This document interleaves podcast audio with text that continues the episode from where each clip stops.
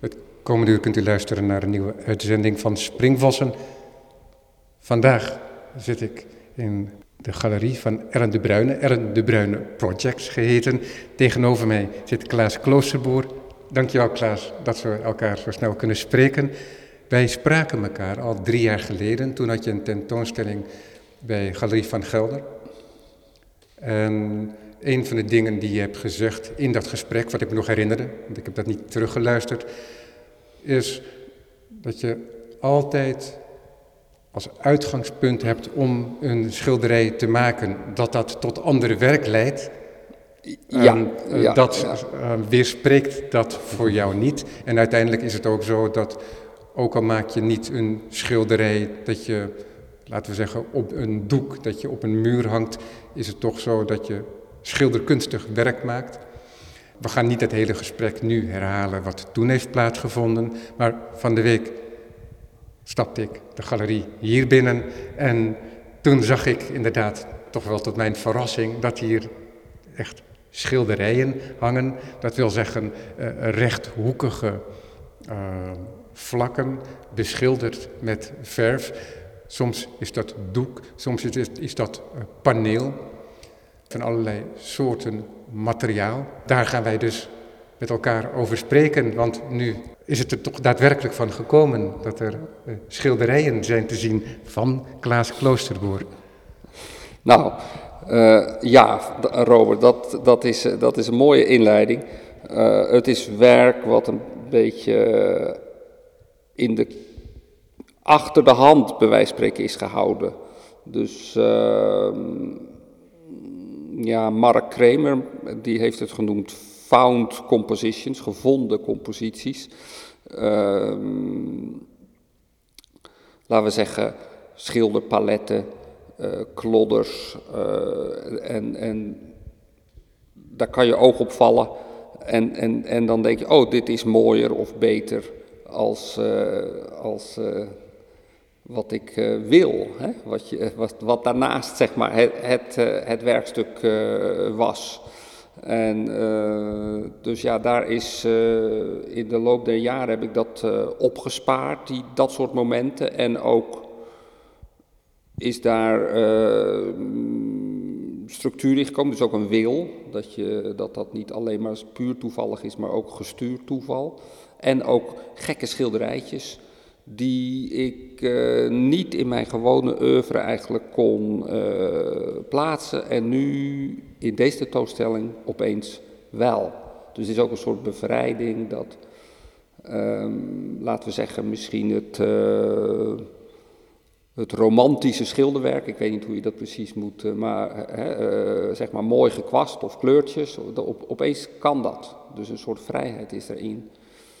En ehm, ja, het is ook misschien een beetje. Ja, ik weet niet goed hoe ik het moet plaatsen. Ik zou zeggen. Uh, uh, achter, dus de keuken als het ware, achter het gordijn. En, en mijn meeste werk is voor het gordijn. Hè. Dus, dit, dus daar, nou ja, goed, daar, daar, daar bevindt het zich ergens misschien. Ja, Klaas, je gebruikt zojuist de karakterisering dat het dat je ontdekte dat het kon, dat het weer kon. En dat hangt toch samen ook met een historisch perspectief. Er is een hele lange traditie. En elke schilder die nu schildert, die maakt deel uit van die traditie. Of die er nou, zich er nou bewust van is of niet. En jij bent je er bewust van, daar gaat jouw schilderkunst ook vaak over, over dat bewustzijn. Zou je kunnen zeggen? En toch weet je daar uh, fysiek sensitief werk mee te maken. Het is Hmm. geen uh, intellectueel gegogel. En het feit dat je dan ontdekt dat het weer kan, dat wil zeggen dat inderdaad dat je een soort nieuwe ruimte hebt ontdekt. En dat is toch wel interessant, want je bent ouder, je kennis is nog groter geworden, je perspectief is denk ik ook rijker geworden op wat die schilderkunst is, om wat je zelf hebt gedaan, maar ook om wat je in de tussentijd langs hebt zien komen. Wat was het tijdsgevricht waarin jij de schilderkunst inkwam? Ah, ehm, ja, ik ben zo 1980, zo studeerde ik nog. Hè? Dus uh, ik, mijn, uh, mijn, uh, ik laat nu mijn oeuvre zeg maar 1990 beginnen. Maar ik was natuurlijk in eerste instantie, in, in, die tijd speelde dan de, de wilde schilderkunst en de, de, de Moelheimer Vrijheid en René Daniels in Nederland. En dat waren grote invloeden. En later ehm, kwam het postmodernisme in 1990. Hè? En ik was daar niet van. Ik vond dat moeilijk en ik was meer geïnteresseerd in, laten we zeggen, minimalisme of, en, en nul schilderkunst. En, ja, dus voor jou lag het zwaartepunt in de jaren zestig? Eigenlijk wel. Als datgene waar jij, aan, waar, waar, waar jij je toe wilde verhouden? Juist, ja dat klopt. Ja. En op dat moment was het niet heel vanzelfsprekend om daar nog, laten we zeggen, speelruimte voor jezelf te vinden om dat project voort te zetten, stel ik me voor. Uh, ja, dat was tegen de tijd in. Ik vond zelf wel de ruimte uh, uh, en ik vond het ook interessant om als het ware de gaten, hè, het, het, het braakliggend terrein nog te vinden in, die, in dat veld. en ook wat ik zelf vond toen, dat, dat het als het ware benaderd wordt, de kunst. en ook nu zie ik dat nog wel. Dat mensen denken, oh dat is abstract en dus formeel. En niet geladen met inhoud en betekenis en gevoel. En ik wilde dus heel graag de, de taal als het ware redden van, van dat inhoudsloze. Dus het was best wel ook een soort ja, ambitieus project. Ja, maar je wilde de taal van het inhoudsloze redden, zou je dat nog um, Ja, dus die schilderstaal, ja? die wordt heel snel gelezen dus als formeel ja. en, en daarmee eigenlijk nou ja, oninteressant. En ja, dat, dat vind ik onterecht. Ja. Ja. ja, dat is altijd zo geweest. Dat is eigenlijk ook een traditie op zich, die manier van interpreteren. Want de hoogrenaissance werd toch ook wel gelezen als een louter formeel ja, ja, uh, ja, spel. En uh, dat dat na de Tweede Wereldoorlog langzamerhand is veranderd, doet daar niets aan af. Dus ik denk dat, dat die... Het is van alle tijden. Ja, dus op, een, op, ja, dus op het moment dat je ook dat je gaat stileren, ja. raakt het alledaagse rumoer op een achtergrond. En dan daarmee lijkt, als het ware, het contact met de wereld en het leven eromheen en onze ideeën en alle gebeurtenissen verbroken. En dat is denk ik niet zo. Er bestaat toch ook zoiets als een eh, abstractie, ook als gedachte en niet alleen als beeld? Uh, ja, uh, dat is natuurlijk een. dat is een we komen op moeilijk terrein. Ja, ja. Maar uh, ja, ik denk wel dat ons denken en ook de interpretatie van de werkelijkheid. nu eenmaal gaat via, laten we zeggen, categorieën. En generalisaties. En noodzakelijkerwijs, anders zou je helemaal gek worden van eh, de hoeveelheid indrukken. Dus je gaat dat toch als mens heel snel allemaal rubriceren. Ja, ja en ik had het vorige week nog met een collega van jou, Kees Smits, erover. Mm. Uh, En die uh, haalde ook inderdaad het idee van de archetypes aan. De soort mm. grondvormen die we zelfs transcultureel met elkaar delen. Maar uiteindelijk is het toch zo dat Kees Smits, dat jij en allerlei collega's in eerste instantie in die studio staan, in dat atelier, en met materie te maken hebben. En met een drager. Ja, dus, uh, ja, ja, ja, ja. dus enerzijds de, de, de, de idee en anderzijds de, de, laten we zeggen, de weerstand van, de, van het maken hè, en, en van de, de, de, de, materie. En uh, die ontmoeting tussen die, en de, laten we zeggen, de, de weerstand die erop roept en het proces wat dat oproept, dat is, uh, dat is natuurlijk uh, voor mij als het ware ook symbool voor, uh, voor, voor een ontmoeting met de werkelijkheid of, of, of, een gesprek. Zoals wij dat nu hebben. Dus de ene geest die de andere geest ontmoet en waar we het eens zijn of niet eens. En ja, de, de, de, het, dus het daadwerkelijk niet alleen denken, maar ook doen, dat is echt een, dat vind ik werkelijk een een voorrecht. dat, je, dat je ook als een testsituatie kan zien. Hè? Van klopt mijn idee eigenlijk wel? Ja, maar is het dan zo dat als jij in de studio staat en je hebt zo'n toevallig palet, mm. je strijkt je kwast ergens op af ja, en dat kan vormen veroorzaken die jij toch aantrekkelijk vindt, want je hebt in de loop der jaren heb je dat toch apart gezet, of misschien dat daar ooit iets mee gebeurt. En langzamerhand, naarmate je dat vaker bent gaan doen, hè, ik vul het nu een beetje voor je in, dus corrigeer me vooral als het niet zo is, naarmate die collectie als het ware eh, groeide, ging je daar misschien ook mee spelen. Ja, ja, zo is dat gegaan een beetje, klopt ja.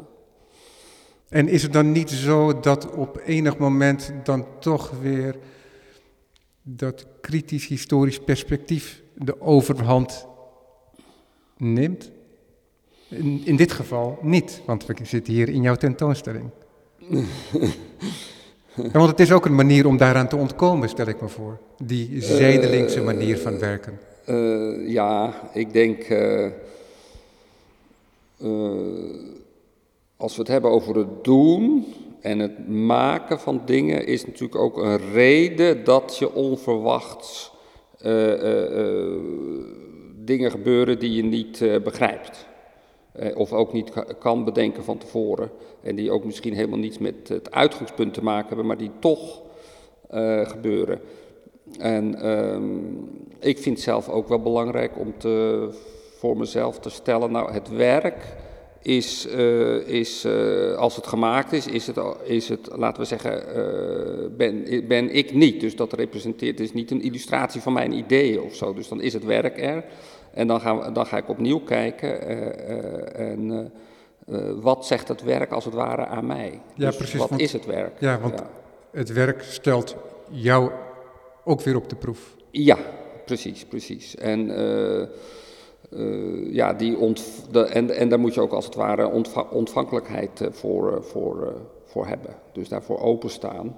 En, maar ja, in die zin is het ook voor mij niet anders dan voor, laten we zeggen, de toeschouwer, die ook het werk moet ontdekken. Eigenlijk, tenminste, dat hoop ik dan. Dat is ook een uitnodiging um, uh, om, om, om je eigen gedachten te vormen.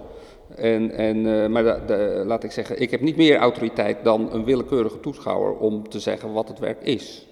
Begrijp je? Ik, ik ben als het ware misschien zelfs minder, omdat ik betrokkener ben. Ik ben dus minder objectief. Nu het eenmaal uit je nu het werk studio is, en ja. hier in een publieke ruimte te zien is. Juist, ja. ja, ja.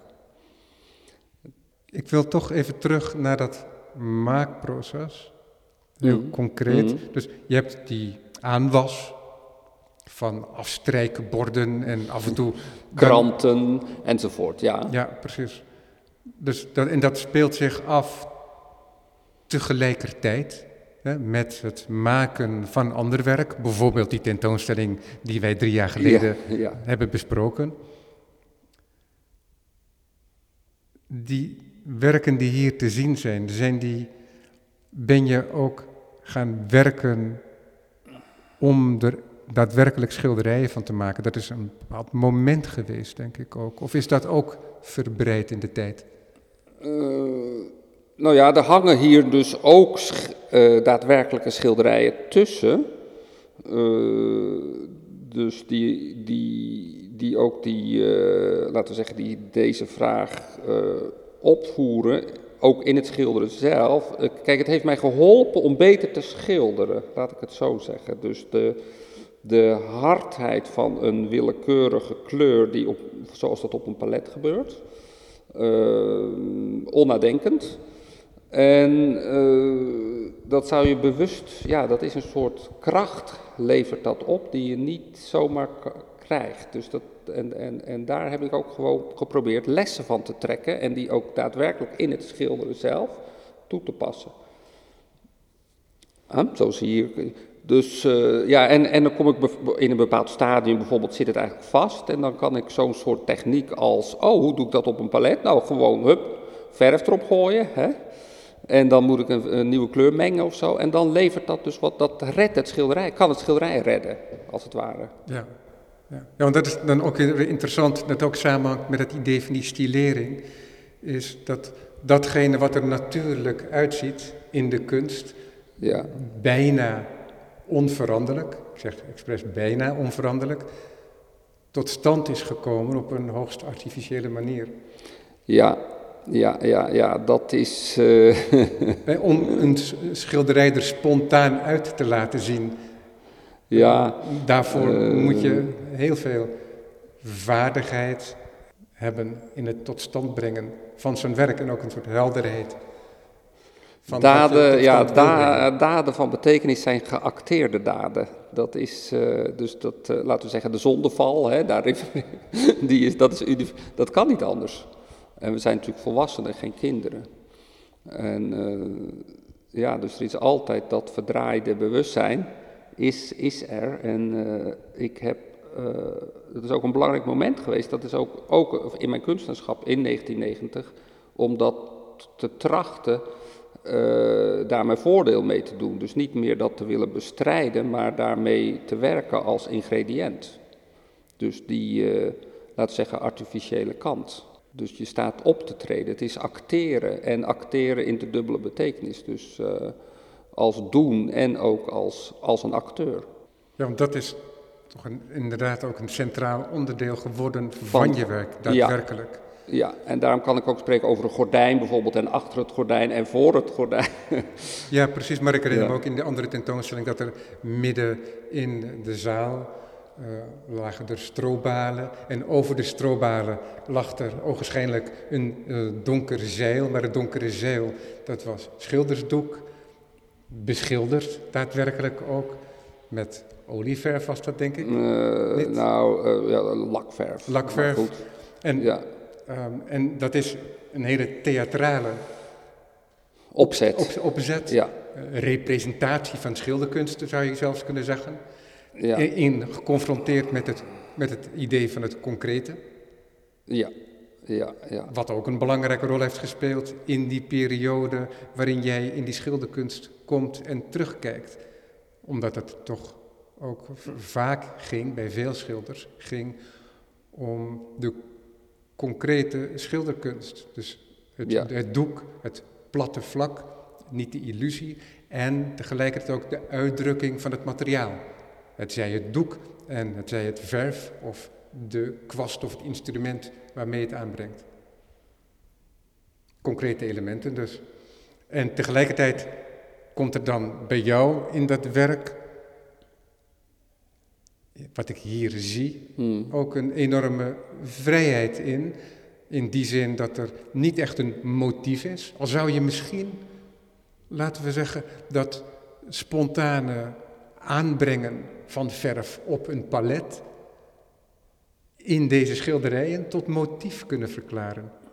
Misschien niet voor elk werk, maar.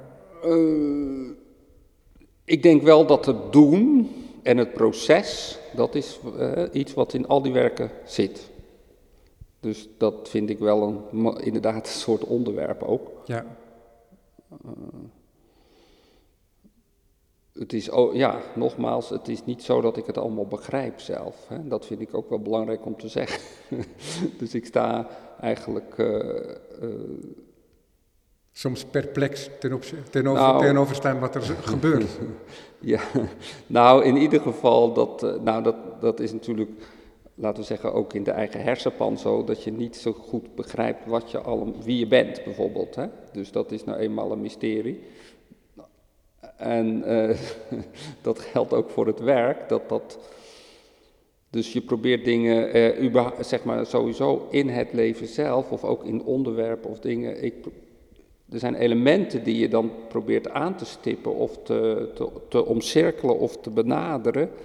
Dat wil niet zeggen, ja, dus daar blijft het eigenlijk bij. Het blijft dus allemaal heel, uh, ja, laten we zeggen, omtrekkende bewegingen.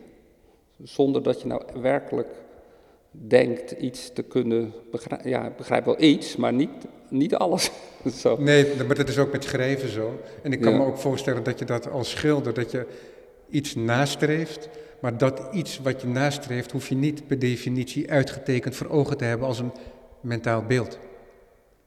Ja, ik merk nu, ik denk, ik zou misschien ook heel, eh, misschien moeten zeggen, ja, dit is al, al als het ware achter me, dat dat begrijpen of zo, dat is misschien ook niet meer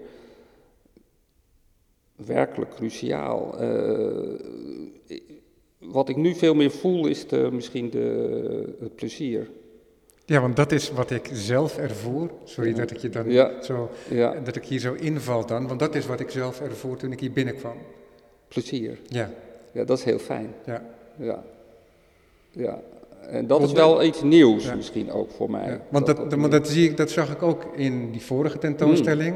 Maar daar was het toch eh, zo dat daar ook een hele duidelijke, coole, celebra- celebrale kant aanwezig was. Die een concept had Ja. gedacht. Dat concept krijgt een vorm en die vorm staat op zichzelf. Dus in die zin eh, is het niet zo dat het alleen maar een illustratie van een idee is. Maar dat is inderdaad wel wezenlijk anders hier. Ja.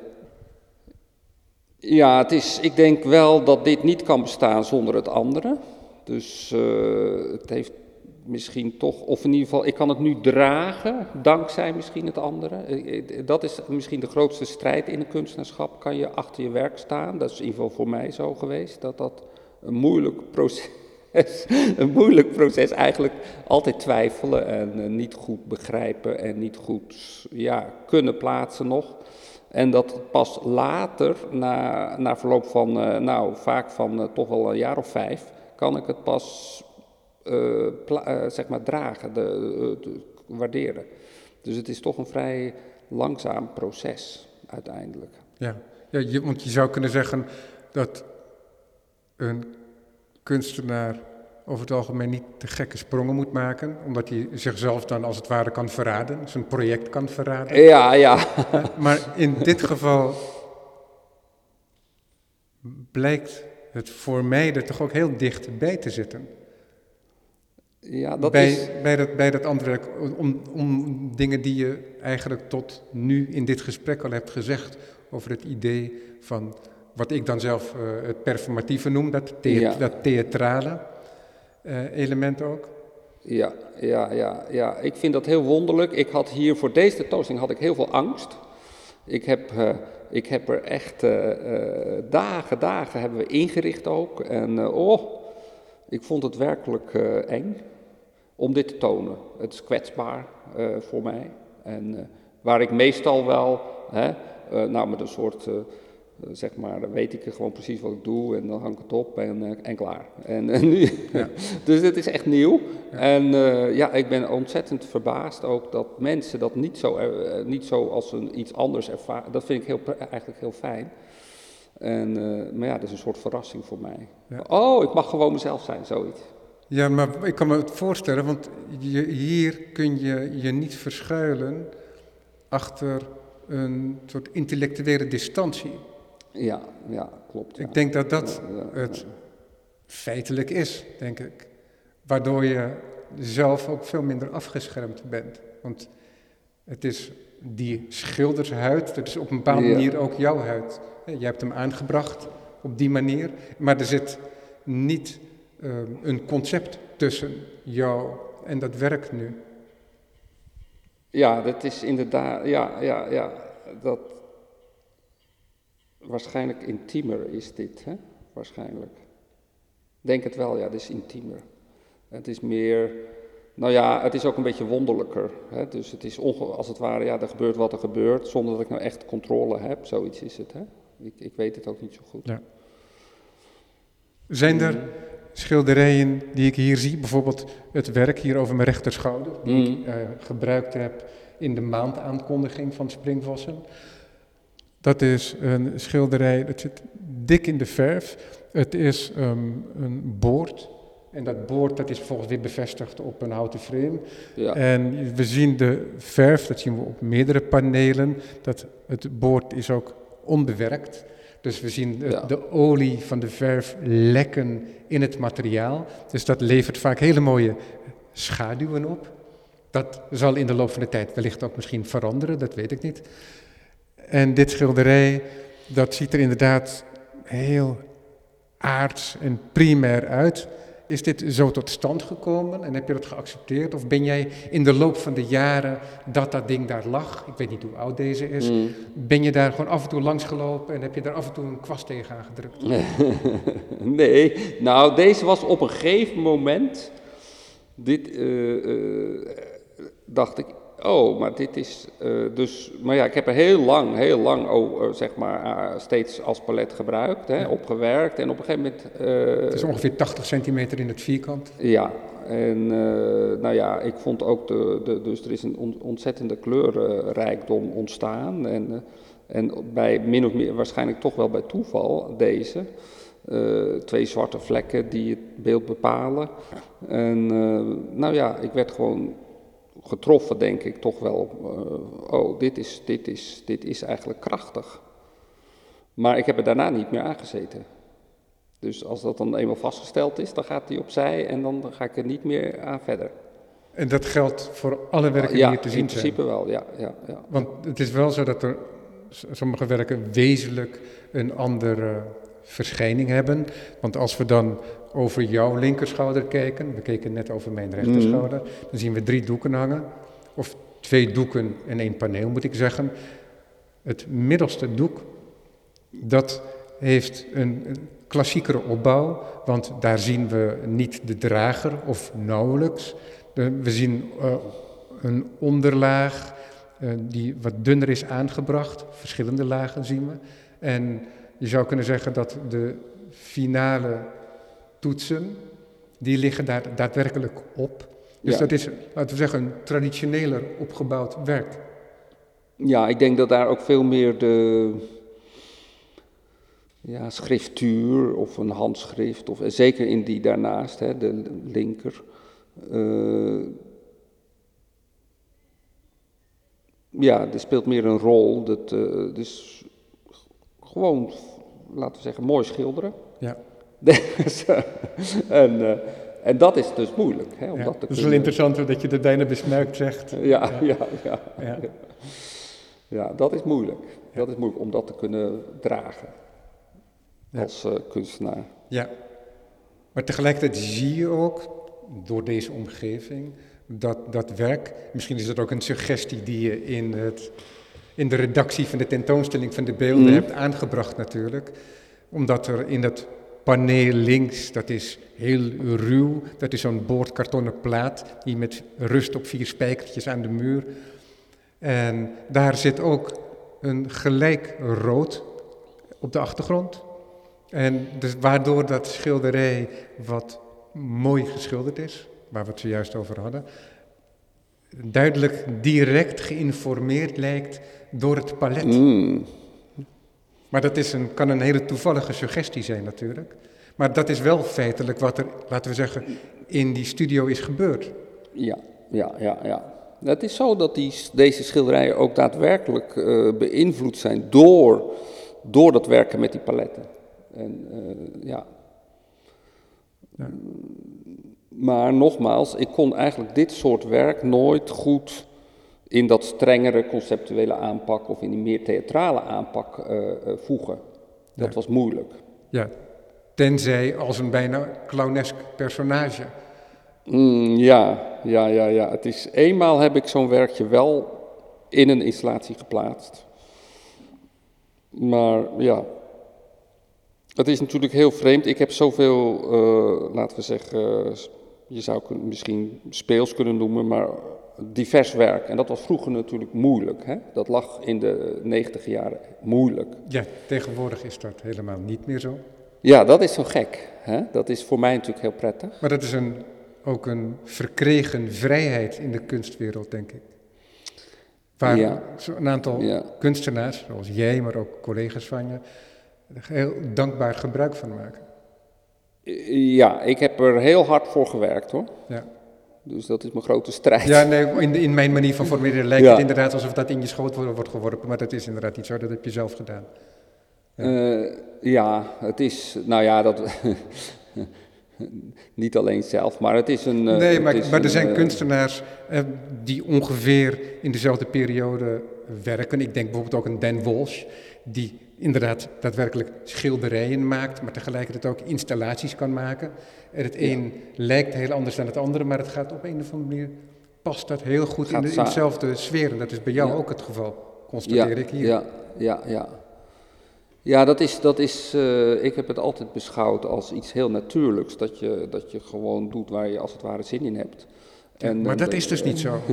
Nou ja, maar je moet erop vertrouwen. Ja, Je moet dat gevoel vertrouwen. ja. En dat is moeilijk. Ja, maar dat is iets wat je met deze presentatie gewonnen hebt, zou je kunnen zeggen, of herwonnen.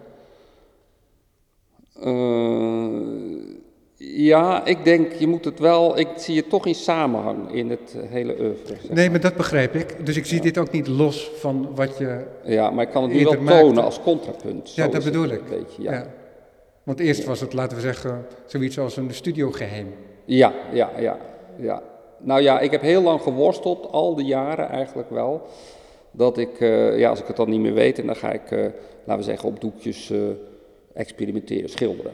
En een beetje, en dat is dan heel, en vroeger zeker, ja, dat lukt dan niet. Dan wordt het gewoon, ja, rommel. Hè? Hoewel je ook gezegd hebt, als ik het me goed herinner, dat de handeling van het schilderen heel bevredigend is. Ja, eh, ja, maar het moet wel, het is natuurlijk toch, eh, het is niet zo makkelijk, zoiets. dat, eh, ik kijk nu ook, heb ik dus nu weer, naar aanleiding van, die, van deze zeg maar, panelen, ben, ik heb nu ook weer nieuw geschilderd. Maar ja, dan moet ik dus heel hard werken, maanden. En dan heb ik uiteindelijk misschien vier kleine doekjes. Hè, maar een heleboel gooi ik weg, dat lukt niet. Ja. Of dat, dat komt, dat gaat niet. Dus er moet Ja. toch een soort, ja, je moet er dan inkomen, zoiets. Dat is toch wel een, een discipline is het. Ja. ja, dat is wel interessant, want je zegt je moet erin komen, maar dan lijkt het net alsof je op zoek bent naar een daadwerkelijk bestaand geografisch punt. Maar dat is natuurlijk niet zo. Want datgene, Ja. wat, je, wat, datgene wat je zoekt verandert naarmate je maakt. Ja, zo zal, dat is denk ik wel juist. Dus het is als het proberen aan te raken van de finale horizon. Het is denk ik wel een bevredigend proces ook dat het juist een beetje moeilijk is en dat het een beetje niet lukt. Dat is ook natuurlijk hoe je waarschijnlijk voor jezelf betekenis tot stand brengt. Dat, het, dat je niet zomaar, en dat vind ik eigenlijk van schilderen zo, zo prettig en van het, ook van het proces. In tegenstelling tot die meer, eh, laten we zeggen, theatrale opzet. Ja, dan kan je verzinnen en dan maak je het en dan is het meestal, en dan staat het ook. Maar eh, met dat schilderen niet, hè, dat is een heel ander ding. Met dit soort schilderen. Ja, ja, ja, en één doek is iets heel anders dan drie doeken. Ja, ja, ook waar. Ja, ja. Dus je creëert ook steeds als het ware een betekenisgebied. Ja. En, eh, Ja, want die, deze manier van werken maakt ook, dat geldt overigens niet denk ik voor alle schilderijen, maar de meeste werken die hier te zien zijn, die zijn niet zo tot stand gekomen dat je ze eh, serieel zou kunnen variëren. nee, zo zijn ze. Nou ja, je kan het als, als geheel. eh, het is natuurlijk wel een soort van een gebied. Ja, maar dat in hele ruime zin dan. Ja, ja, ja. ja. Ze Maar- maken, je maakt ze individueel natuurlijk. Ja. En natuurlijk heeft het ene schilderij invloed op het andere. In de tentoonstelling in ieder geval wel. Ja. Ja. Nee, want dat is wat er gebeurt. Dat is wat, wat ik doe. Ik zie schilderijen tegenover elkaar hangen of, ehm, of naast elkaar. En je gaat toch associëren. Kleuren, toetsen, maar of misschien ook wellicht het contrast. Want Ja, In- in- er hangen bijvoorbeeld daar verderop hangen hele lichte, hele zoete. En eigenlijk zodanig dat het pijn doet aan het glazuur, bij wijze van spreken, je tanden. Zo, zo, zo snoeperig. En dat is natuurlijk toch weer, ook weer een ondergraving van het pure of stoere. Dus ook in dit is er wel, is er wel eh, ook in deze categorie, bij wijze van spreken, word ik, ik, ik ben toch altijd wel ook een beetje bezig met, niet met geloven daarin. Er moet ook, eh, de, de, de- ik vind het wel belangrijk om, eh, om ongeloof te handhaven. Ja, ja, ik denk dat dat ook wel iets kernachtigs is dat je als schilder toch verder wil, als kunstenaar. Ik, Ja. Want ik moet dan bijvoorbeeld, omdat je zegt dat stoere en dat stevige, dan moet ik bijvoorbeeld denken aan die abstracte landschappen van Willem de Koning. Die Ja. zo geslaagd zijn, hè, Ja. waar, waar Door to the River in zit en dergelijke. En dat zijn mooie grote doeken, smeuïge verf, eh, brede kwaststreek, heel sterk opgezet. Eh, ook een beetje denkend aan de schilderijen van zijn vriend Klein. En dat heeft hij maar een hele korte periode gedaan. Ja, Want het, het ging te goed het- misschien. je zou kunnen denken dat het heel gauw ook inderdaad te gemakkelijk kan worden. Ja, ja, ja, ja. En dat is wat jij daar, zou je kunnen zeggen, ook doet. Want we zien een patroon terug van het ehm, circulair uitdraaien van een kwast. Ja, En, en dat eh, is een motief dat je vaker hebt gebruikt natuurlijk in je werk. ja. En die worden dan op het ene doek met, met pastelkleuren. Op het ene doek worden ze Ja. verbonden als het ware, of liggen ze tegen een achtergrond van rechte lijnen, diagonalen. En op de andere zijn het hele mooie lussen, zachte lussen, die ze met elkaar verbinden, maar waardoor er toch een nieuw spanningsveld ontstaat met een hele kleine ingreep zou je kunnen zeggen. Dus daar speelt ook nog weer iets anders, want dan komt er zoiets als een tekening. Ook Ja. in de getekende Ja, lijn. ja, ja. Ja. Ja. Dus, dus er zijn inderdaad verschillende etappes en dan hebben we ook nog, als we dan in deze ruimte binnenkomen, hè, jullie, eh, de galerie zit hier nog niet zo lang, dus we komen in een 19e-eeuwse opzet van een ouder pand binnen aan, de, aan het Singel, we lopen het stoepje op, we komen de lange gang in, in de lange gang hangen al wat kleinere doeken en dan komen we in de voorkamer via een deur en als we daar dan binnenkomen, dan zien we direct twee hele grote panelen die boven elkaar geplaatst zijn. Eén paneel is iets kleiner aan de onderkant, met een hele groot rode, rood geschilderd vlak. Ja, ja. En precies daarboven geplaatst eh, zo'n boord, Ja, we hebben gemo- ge- gemonteerd op een frame en eh, met van die eh, regelmatige perforaties. Ja, ik weet niet hoe het heet, maar dat is, ja, dat is zo te koop, hè? Zo geperforeerde masonieten plaat. Ehm, ja, we hebben geprobeerd om eh, met die tentoonstelling eerst, in eerste instantie ook om dwarsverbanden te maken. En dat, dat kan ook heel goed met het, laten we zeggen, andere hè, elementen, andere categorieën. Dat werd te veel, de ruimte is te klein, of hoe je het ook... Hè? Dus we hebben dat uiteindelijk weggehaald. Maar dat werk is dus nog zo'n uitstap naar een meer eh, conceptuele aanpak.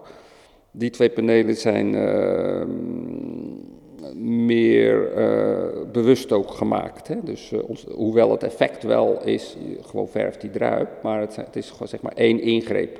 En die twee, eh, ja, de een heeft met, bovenop de ander ge- gelegen en daar heb ik gewoon verf op uitgegoten en Ja. toen overeind gezet en is het leeg gelopen. En, hè?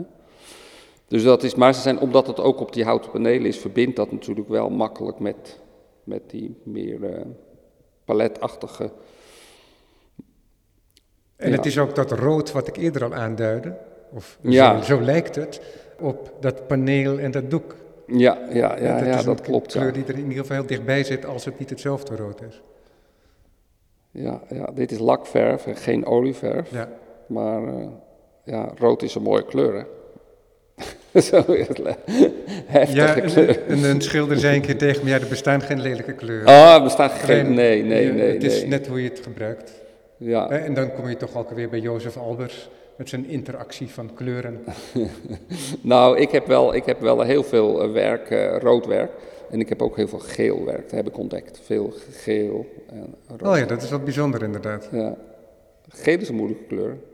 En rood is, eh, ja, ik weet ook niet precies, maar dat is natuurlijk een soort eh, heftig iets, hè?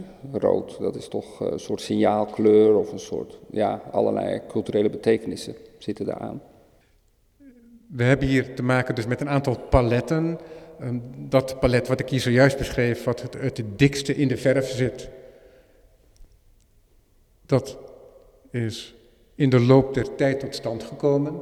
En dat ben je dus niet meer gaan manipuleren om het Nee, af te nee. maken.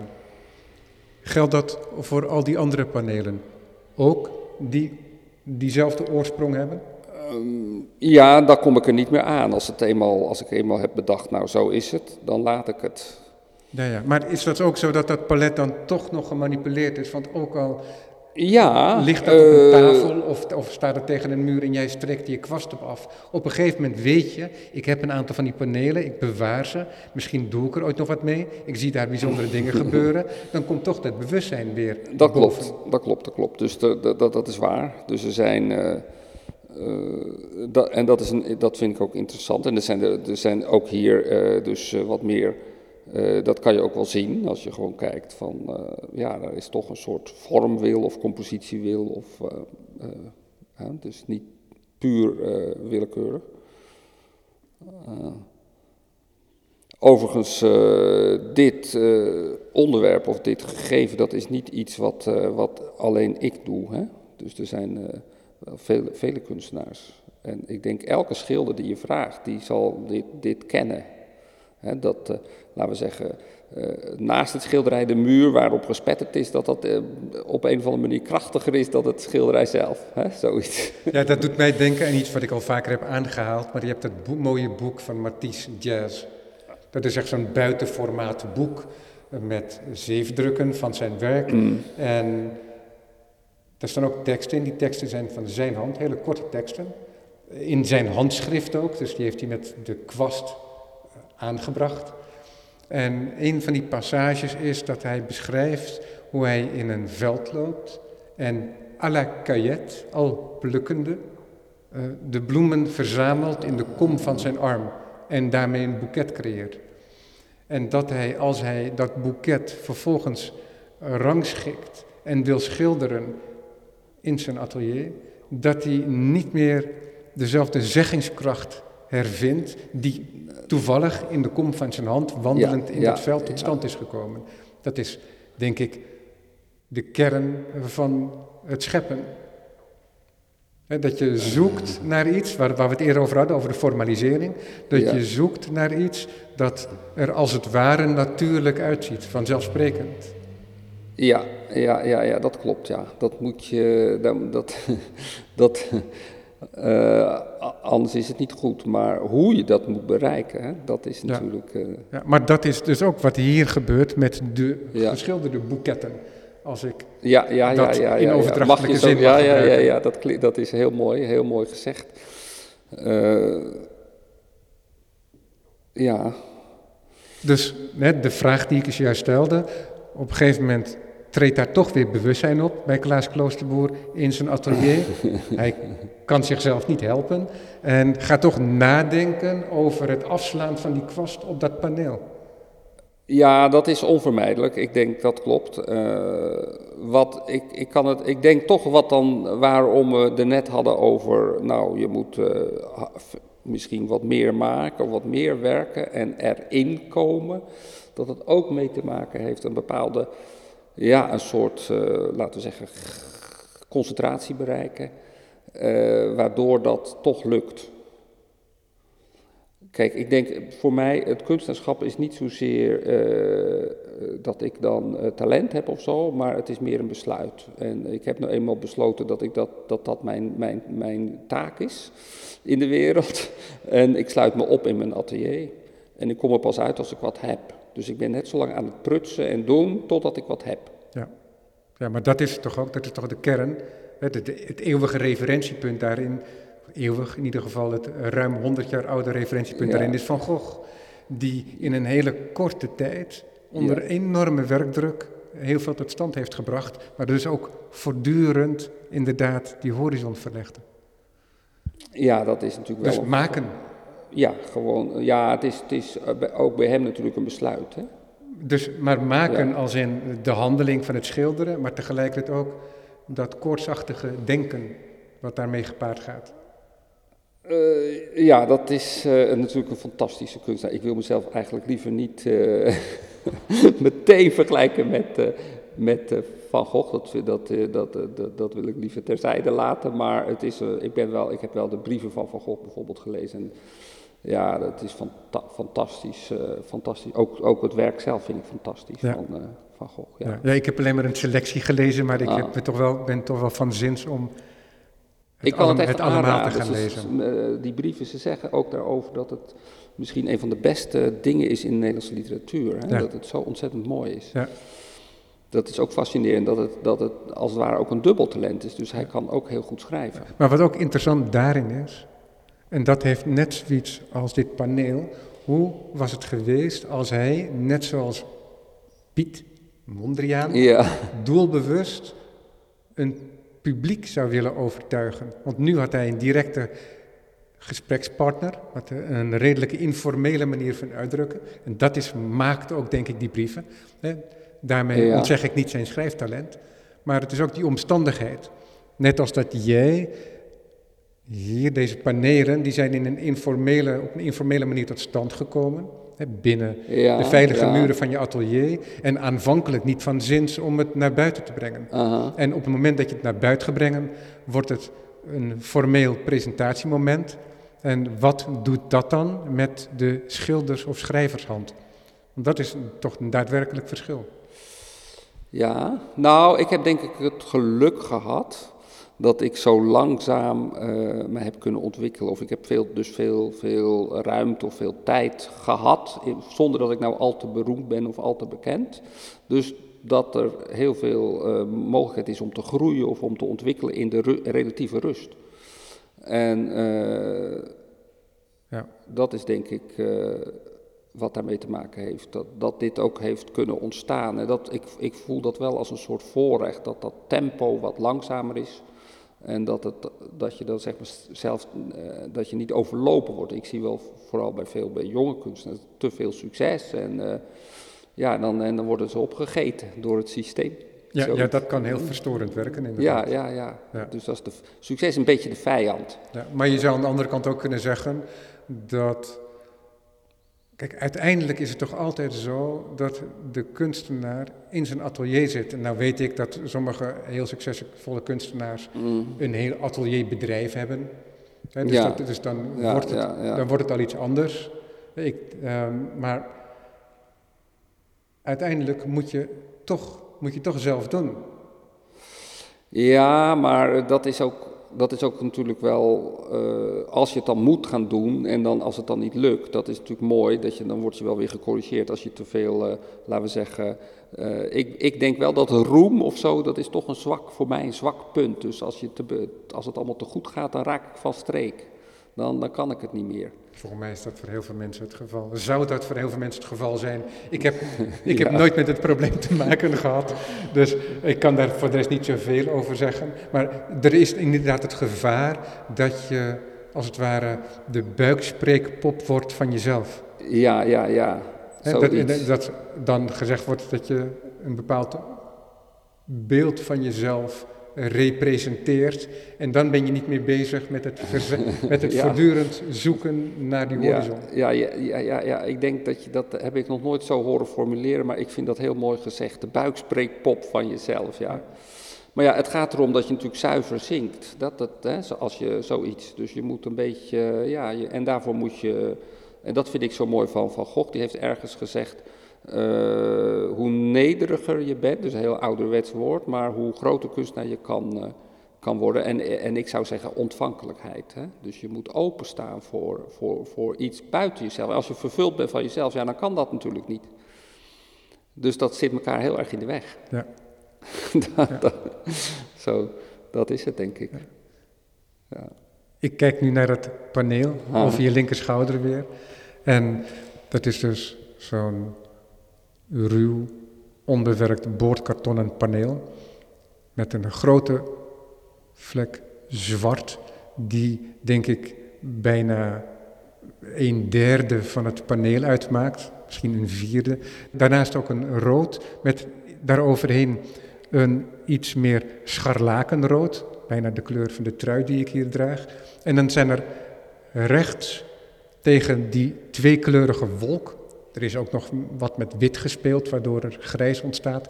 Is er een soort gevederte, zou je kunnen zeggen. En dat zijn 1, 2, 3, 4, 5, 6, 7, 8, 9, ik denk kwaststreken, maar die zijn veelkleurig, veelkleurig en pastel.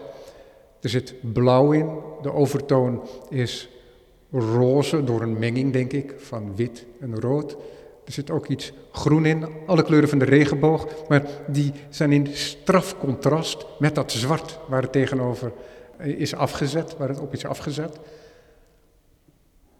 Is dat toeval of is dat gecreëerd, bedacht? Klaas, Klaas uh, ik zou zeggen, dit is toeval. En uh, uh, ja, niet bedacht. Ja. En, maar wel geaccepteerd. ja, achteraf. achteraf. Ja. ja, als het er dan is. Met moeite, deze. Met moeite. Ja, omdat, omdat in, in dit geval, laten we zeggen, in um, de verschillende paletten bij elkaar komen hier. Er zijn als het ware ja. twee paletten tot één palet geworden. Ja, het is een beetje onaangenamer. Hè? Dit, is wat, dit, is, dit is een beetje ruw, als het ware. On, onorthodox.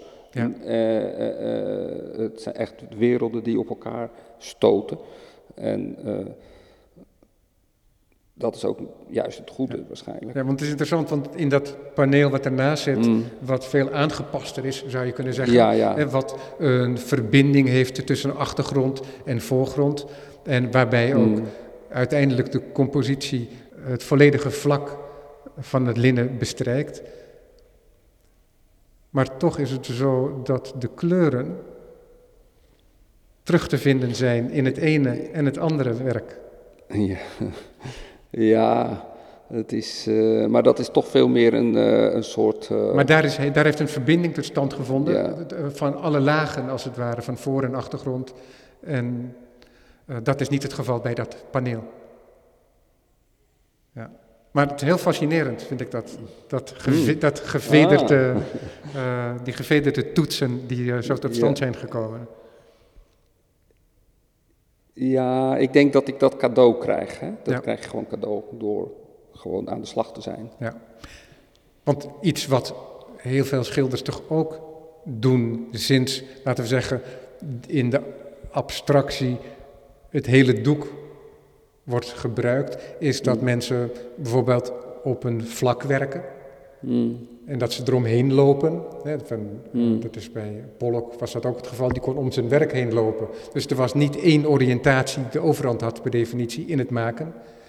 Uh, van Willem de Koning is ook bekend dat hij, uh, uh, volgens mij heeft hij dat laten maken, dat hij een enorme ezel had laten maken, waardoor hij het doek kon draaien, zodat hij op, vanuit verschillende hoeken uh, zijn doek kon benaderen, kon, benaderen. kon, werken. Ja. Dus in die zin uh, is er al geen hiërarchie meer. Hè? En dat hiërarchieloze, dat zit ook gedeeltelijk hier in dit werk. Ja, ik geef altijd wel uiteindelijk een, uh, zeg maar een aan, uh, dat is boven, dat is onder. Ja. Dus, uh, oh nee, maar in de uiteindelijke presentatie wordt er over het algemeen wel een keuze gemaakt. Ja, ja, ja. Um,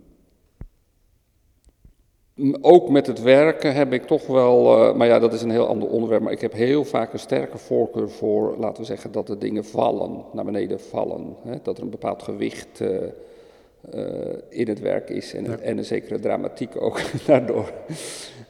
ja, ja, toch wel, toch wel. Dus, Hoe is dat nu in jouw studio? Ja, ik ben verhuisd. Ik zit nu in een buren, boeren, boerenschuur.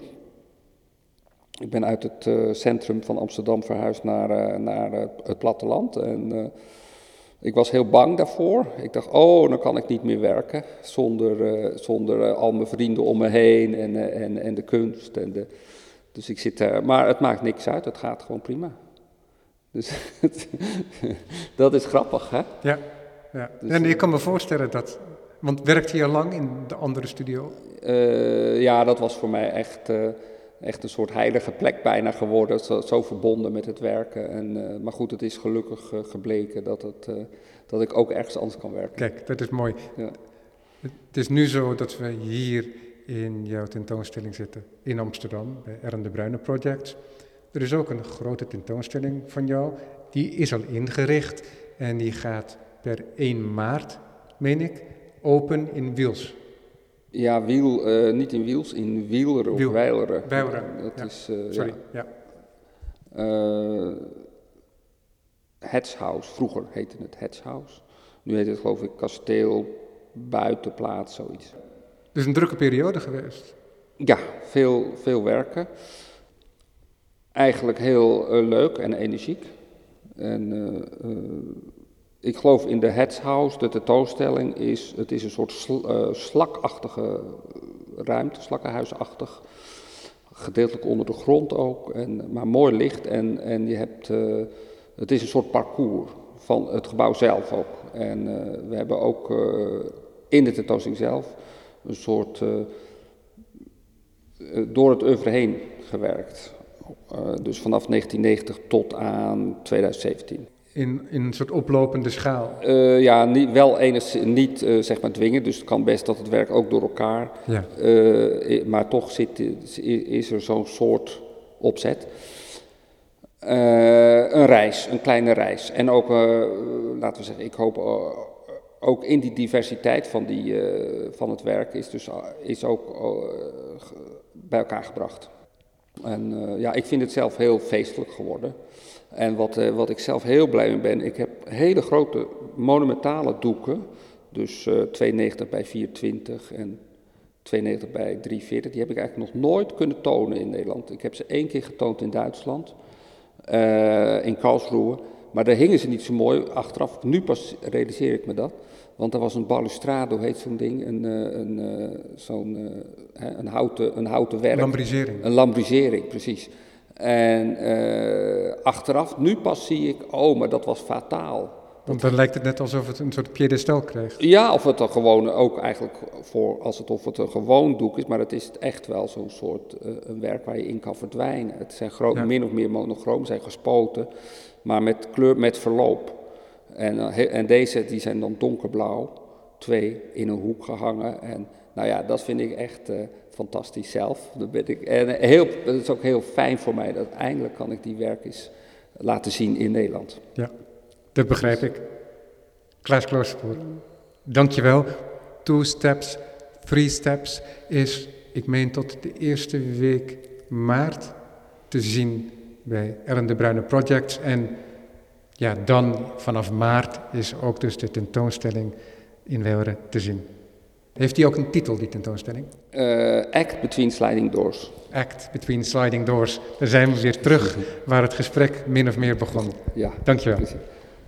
Graag gedaan.